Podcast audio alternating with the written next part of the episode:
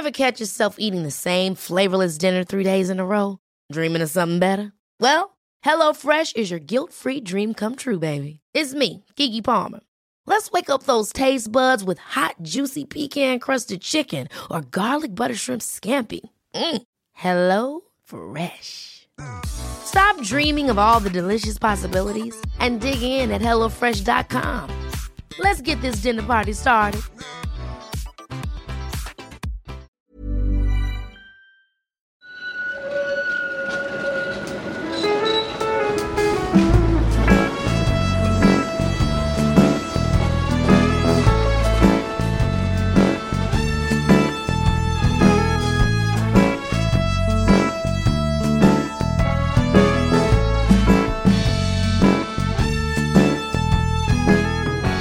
Välkomna till podden Gator och torg i Göteborg som görs av lokaltidningen Göteborg Direkt.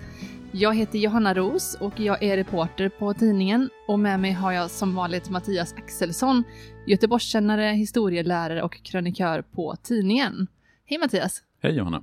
Förra gången jag träffade Mattias så pratade vi om särbanan och särbanans historia och sträckningar. Idag har vi faktiskt åkt längs med särbanan söderut och befinner oss på Hovås Golfklubb. Ja, vi sitter här på golfklubbens restaurang och tittar faktiskt ut över golfbanan. Det är ett par som går med sina bagar, tror jag det heter, som har sina golfklubbor i, eh, här nere. Och det är ganska mycket aktivitet idag. Lite Mm. blåsigt, men det är många som är ute och spelar golf på Hovås golfbana. Det ser väldigt fint ut. Golfklubben har ju funnits i över hundra år, men Hovås har ju funnits ännu längre. Hur länge?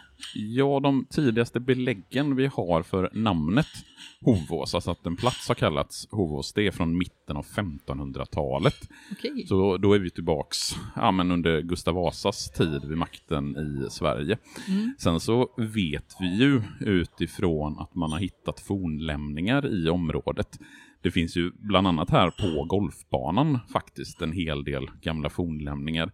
Jag vet att runt sjunde, åttonde hålet, nu vet inte jag exakt Mm. var på banan det är därifrån vi sitter nu, men det vet ju de som spelar golf här och vill man titta på en karta så finns det ju på, på golfklubbens hemsida. Där har man hittat eh, stenåldersboplatser. Så vi vet ju att det har funnits människor här i den, på den platsen vi kallar för Hovås i i alla fall tusentals år. Och förutom att det har funnits stenåldersboplatser så finns det också lämningar både från givetvis då bronsåldern och järnåldern. Det finns bland annat fyra hällristningar i Askimsområdet som tyder på att det har funnits människor här långt, långt, långt tillbaka i tiden. Och vid utslagsplatsen för hål 10 så har man bland annat hittat en domarring som vi då kan datera till eh, tidig järnålder. Men det är ju egentligen någonstans under medeltiden, alltså när Sverige och den här delen av Europa blir kristet, som man kan börja prata förmodligen om Hovås som en plats. För om man tittar på hur Sverige var indelat under medeltiden så har ju kyrkan en väldigt, väldigt central roll. Och då är det ju ett antal härader som landet är indelat i. I den här delen som idag är Göteborg så är det framförallt Askims härad och västra Hisingens härad. Jag tror att det är västra, jag inte säger fel. Det kan vara västra eller östra Hisingens härad. De finns ju båda två. Den ena är ju norsk och den andra är ju dansk. Eller den ena är norsk och den andra är svensk menar jag. Eh, så jag tror att det är västra Hisingens härad alltså, som är den svenska delen. Men här söder om Göta älv så är det ju Askims härad alltså, som är liksom den indelningen som vi har. Och det går ju tillbaks till 1200-talet när den här delen av Göta älv, alltså området söder om Göta älv och små delar av Hisingen blir svenskt och eh, söderut blir danskt och norrut blir norskt.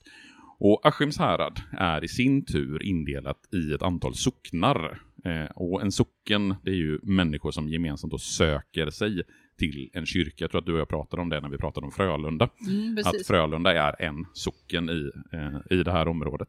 Och i Askims härad så har vi ju Askims socken, vi har Brottkärr, vi har Bildal, vi har Skintebo, vi har Årekärr, jag kan ha missat någon där, men sen har vi också då Hovås. Att Hovås är en socken och även om vi har de äldsta beläggen för namnet till 1500-talets mitt så är det ju ganska troligt att Hovås har funnits som namn och som socken även tidigare. För bara att man har en, en skriftlig att det finns ett skriftligt belägg betyder ju inte att det där och då uppkommer namnet, utan det troliga är ju att det här har funnits ända, ända sedan medeltiden. Så Hovås är ju egentligen en socken i Askims härad. Och sen är Hovås socken i sin tur indelad i antal byar. Hovås klovan, Lilla Hovås, Stora Hovås och sen en utjord som då utgör Hovås socken. Vet man var namnet Hovås kommer ifrån? Ja, det finns ju lite olika hypoteser, men den hypotesen som jag antar är den mest troliga, det är att det är åsen som häver sig upp, alltså hov från häva. Och ho, det har ju stavats på lite olika sätt genom historien, men hovås är det åsen som häver sig upp ur vattnet. Att det är därifrån namnet hovås ska mm. ha kommit. Okej. Men eh, det är ju som ett villasamhälle som vi känner Hovås idag. Eh, när kom det till? Ja, då får vi ju rusa ett antal hundra år framåt i tiden. För om Hovås nämns vid namn första gången på 1500-talets mitt så är det ju i slutet av 1800-talet som det börjar byggas lite större byggnader här neråt eh, södra, söder om Göteborg. Vi har ju till exempel Bildal, vi gjorde ju ett avsnitt om Bildals gård och i avsnittet om Särö så pratade du och jag om Särö, hur det utvecklas under 1800-talet till en plats som rika göteborgare till exempel reser till. Och även här runt Hovås, till exempel vid Brottkärr, så byggs det ju lite mer ståndsmässiga eh, byggnader under slutet av 1800-talet. Men precis som du säger så är det ju kanske som ett villasamhälle, ett villaområde som vi tänker Hovås idag. Och hade vi varit i Sverige i slutet på 1800-talet eller till och med i början på 1900-talet så är det nog förmodligen ganska få människor som överhuvudtaget hade känt till vad en villa var för någonting. För tittar man på Sverige under 1800-talet så är det ju ett samhälle som förändras i väldigt rask takt. Vi går från att vara ett jordbrukssamhälle till att bli ett industrisamhälle. Människor flyttar från landsbygden in till de växande industristäderna. Och vid 1800-talets slut, eller vid förra sekelskiftet där, så det fanns två olika sätt att bo i princip. Antingen kunde du bo i de här stora gårdarna, eller så kunde du bo i en lägenhet i stan. Och bodde du i en lägenhet i stan så kunde det antingen vara trångbott om det var en arbetarfamilj, eller lite mer ståndsmässigt som till exempel i, inne i Vasastan. Men under slutet av 1800-talet så kommer i framförallt influenser från Tyskland idéer om att man kan bygga villasamhällen.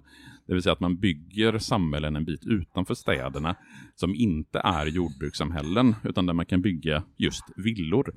Och de första villasamhällena, eller försöket till att bygga villasamhällena, de har vi i Stockholmstrakten. 1878 så bygger man ett villasamhälle i Sundbyberg och 1889 så bygger man ett villasamhälle i Djursholm. Och Djursholm är väl kanske den villastad som har mest fått stå som symbol för det sena 1800-talets framväxt av villor.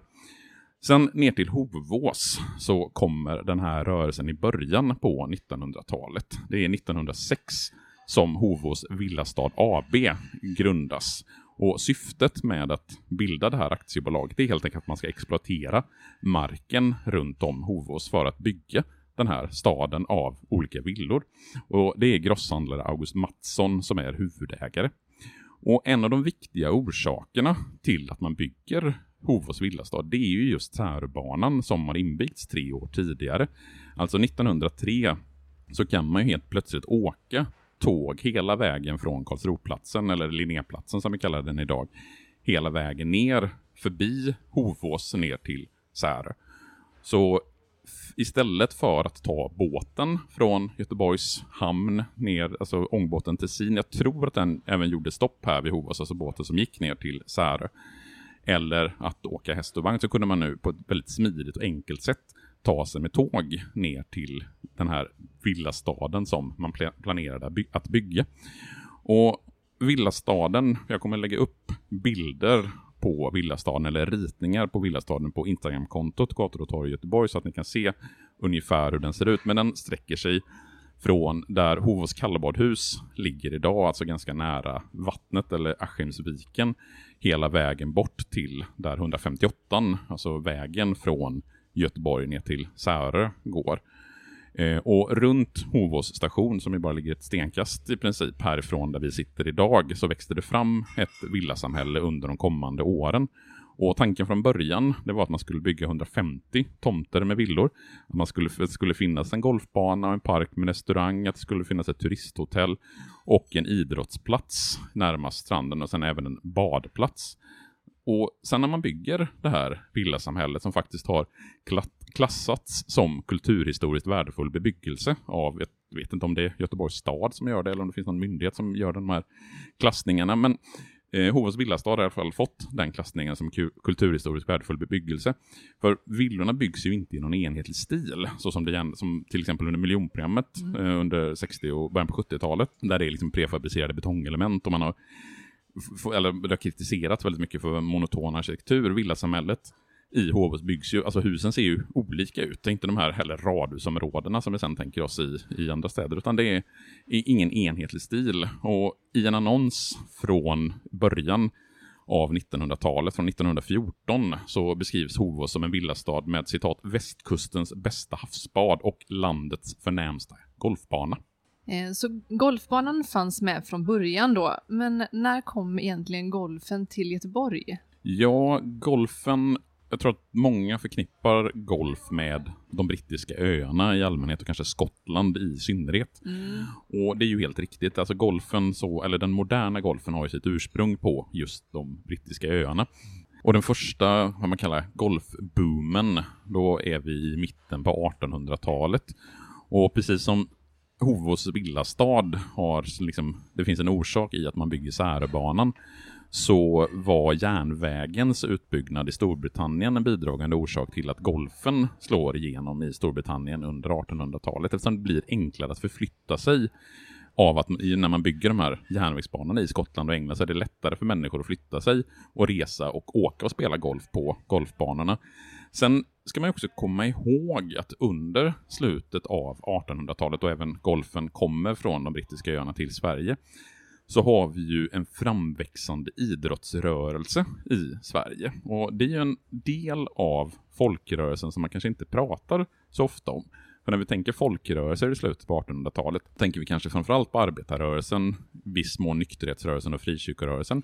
Men man ska också komma ihåg att idrottsrörelsen är en viktig del av folkrörelsebyggandet i Sverige under 1800-talet. Och vi har ju haft idrotter långt tillbaka i tiden, både som bågskytte och liknande, men då har det varit exklusivt för antingen för militär eller för någon form av överklass. Det som är speciellt med idrottsrörelsen och den framväxten som är i slutet på 1800-talet är ju att idrott öppnar upp sig för den breda allmänheten med fotbollsföreningar och eh, liknande. Däremot golfen är ju kanske till viss del fortfarande, men framförallt initialt väldigt mycket en sport, en idrott för överklassen. Och att golfen kommer till Sverige, det ska vi nog tacka inflytandet just från Skottland och England. För vi har ju under, först under 1700-talet, så kommer det skotska invandrare, eller kommer folk från Skottland till Sverige bland annat på grund av religiös förföljelse i Skottland. Men den stora och betydelsefulla invandringen för Skottland den kom ju på 1800-talet. Där vi har namn som eh, William Gibson och Alexander eh, Keiler eh, som eh, bidrar liksom på ett väldigt tydligt sätt till det göteborgska näringslivet. Och det är de som på olika sätt tar med sig golfen från Skottland till Sverige under slutet av 1800-talet.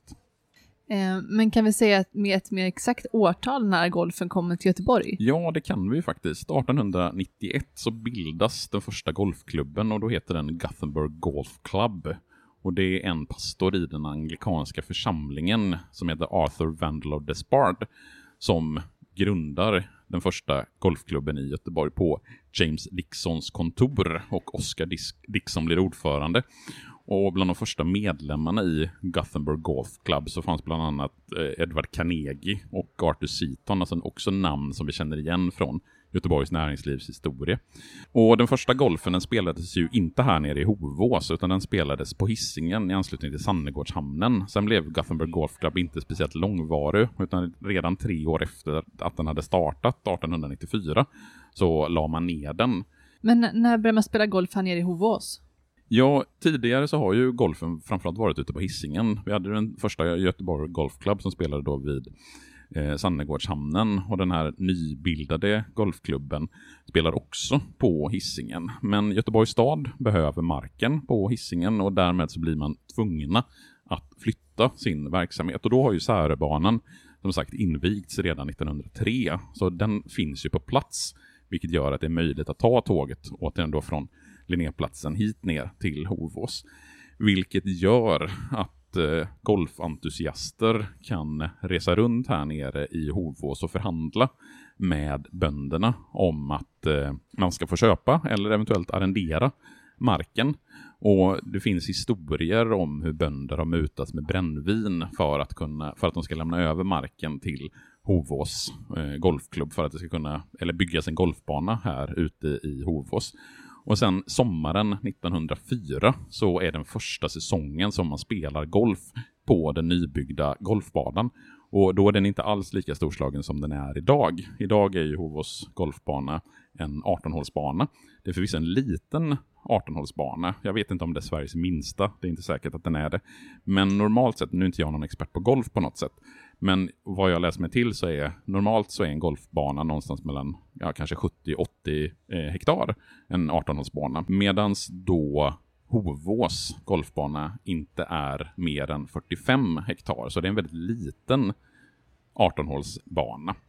Så 1904, det är första sommaren som man då spelar golf på Hovås golfbana. Och då har man ju byggt den här sexhålsbanan som den är när man öppnar. Den är 1,5 kilometer lång ungefär. Och då är ju den byggd precis i anslutning till Särbanan. Särbanan går ju precis här nere. Och den sötvattensdamm som ligger inne på golfbanan, det var ju tidigare en vik in från Askimsviken så stack den in, jag tror att det hette Äppelboms eller Äppelblomsviken eller något liknande.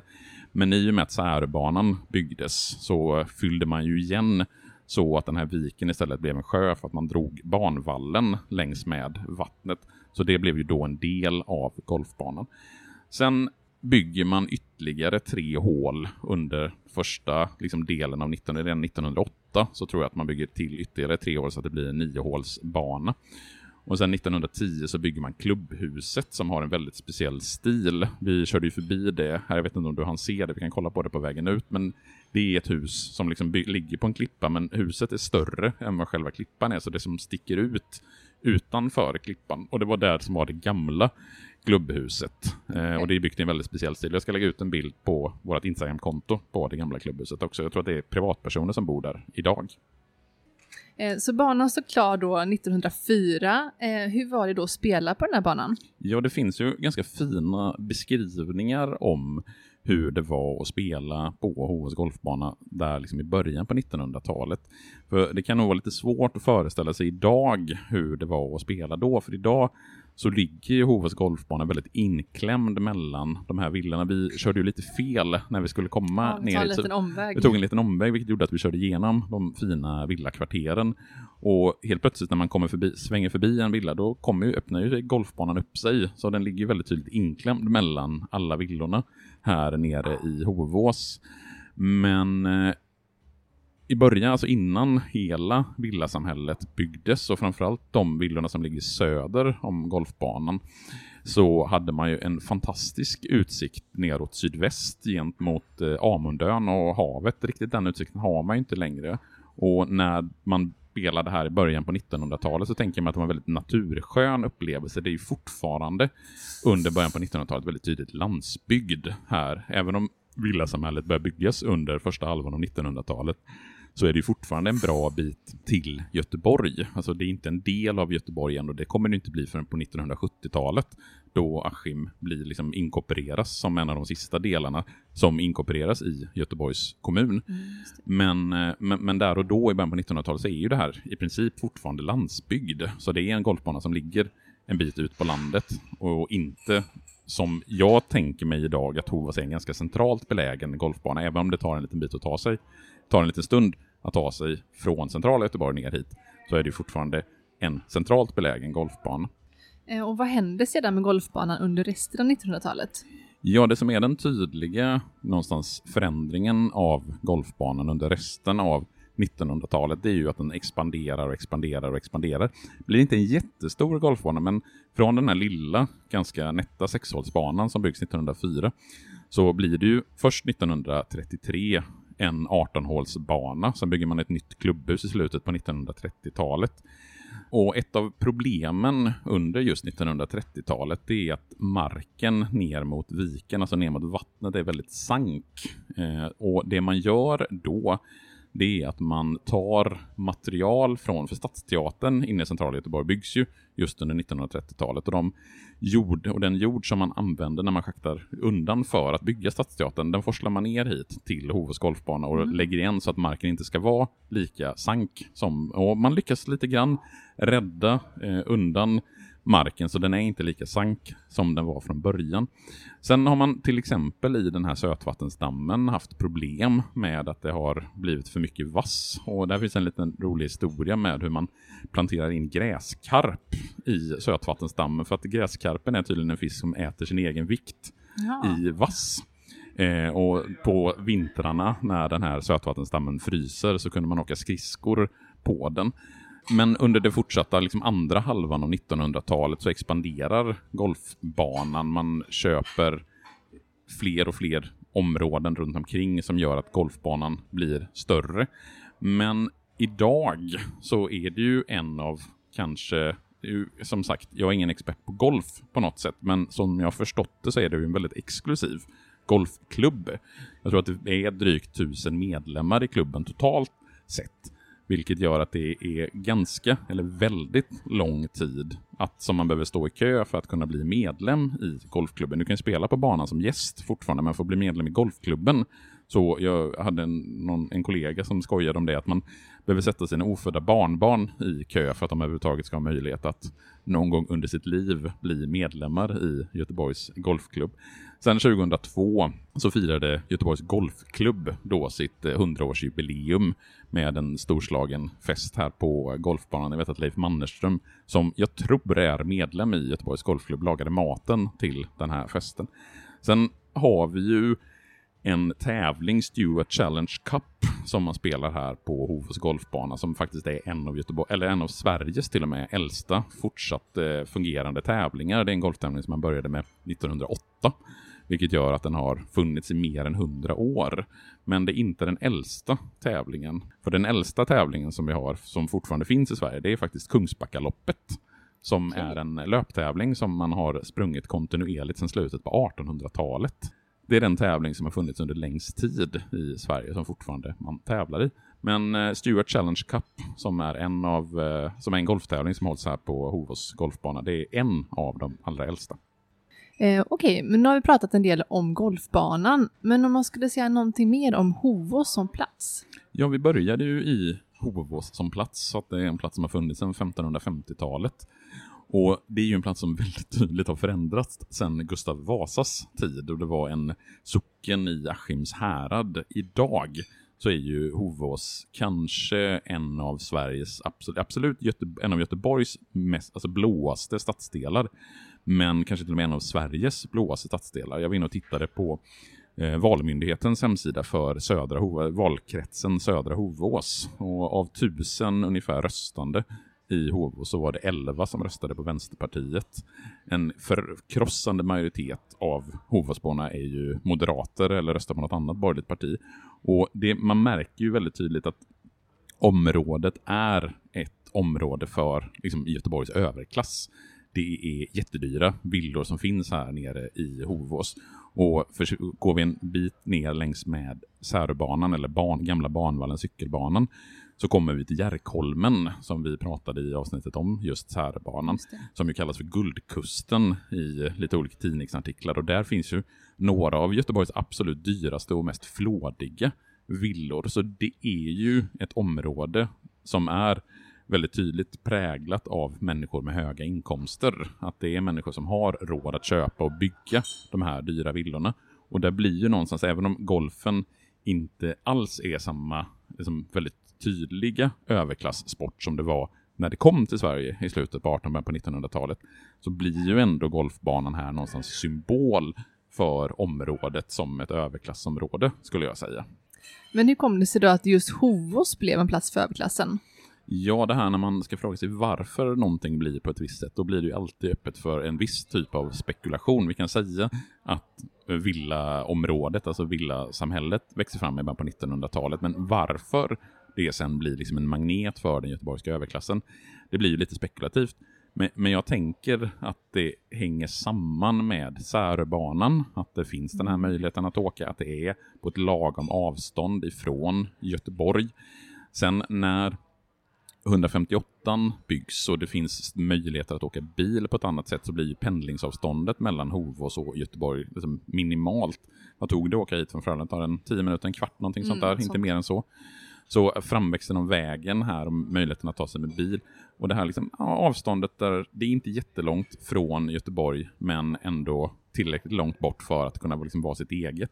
Och Askim var ju som sagt en egen kommun fram till 1974 och jag vet, jag har ju suttit och läst gamla från Askims hembygdsförenings årsskrifter från 1970-talet. Och det här att man ska bli en del av Göteborgs kommun, det är ju inte alls populärt bland många Askimsbor. Mm. Man vill liksom fortsätta vara sin egen, man vill liksom inte in i den här jätten glufs, glufs Göteborg. Eh, och att det finns möjlighet att bygga de här stora villaområdena, närheten till havet givetvis. Det är ju ingen slump att det är framförallt i liksom det kustnära som vi har. Vi har Torslanda till exempel, det ligger vid vattnet. Vi har Önnered, det är inte heller någon slump liksom att de områden där, att det bor lite rikare människor för att där är tomtpriserna högre. Där har man råd att bo om man har mycket pengar. Och det är samma sak här vid Hovås, vi har närheten till vattnet som en av förklaringar. Sen finns det såklart massa andra förklaringar också, givetvis. Och kanske att det ligger en golfbana här. Man gillar att spela, om man har mycket pengar så gillar man att spela golf. Ja, men är vi klara med Hovås då?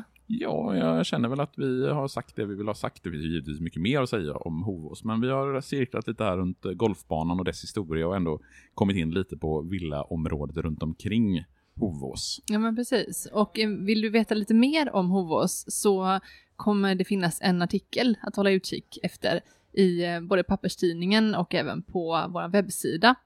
Eh, och eh, vi kommer även lägga ut bilder på Instagramkontot Gator och torg i Göteborg. Eh, du kan kika. Jag heter Johanna Ros. Och jag heter Mattias Axelsson. Tack för att du har lyssnat. Tack så mycket.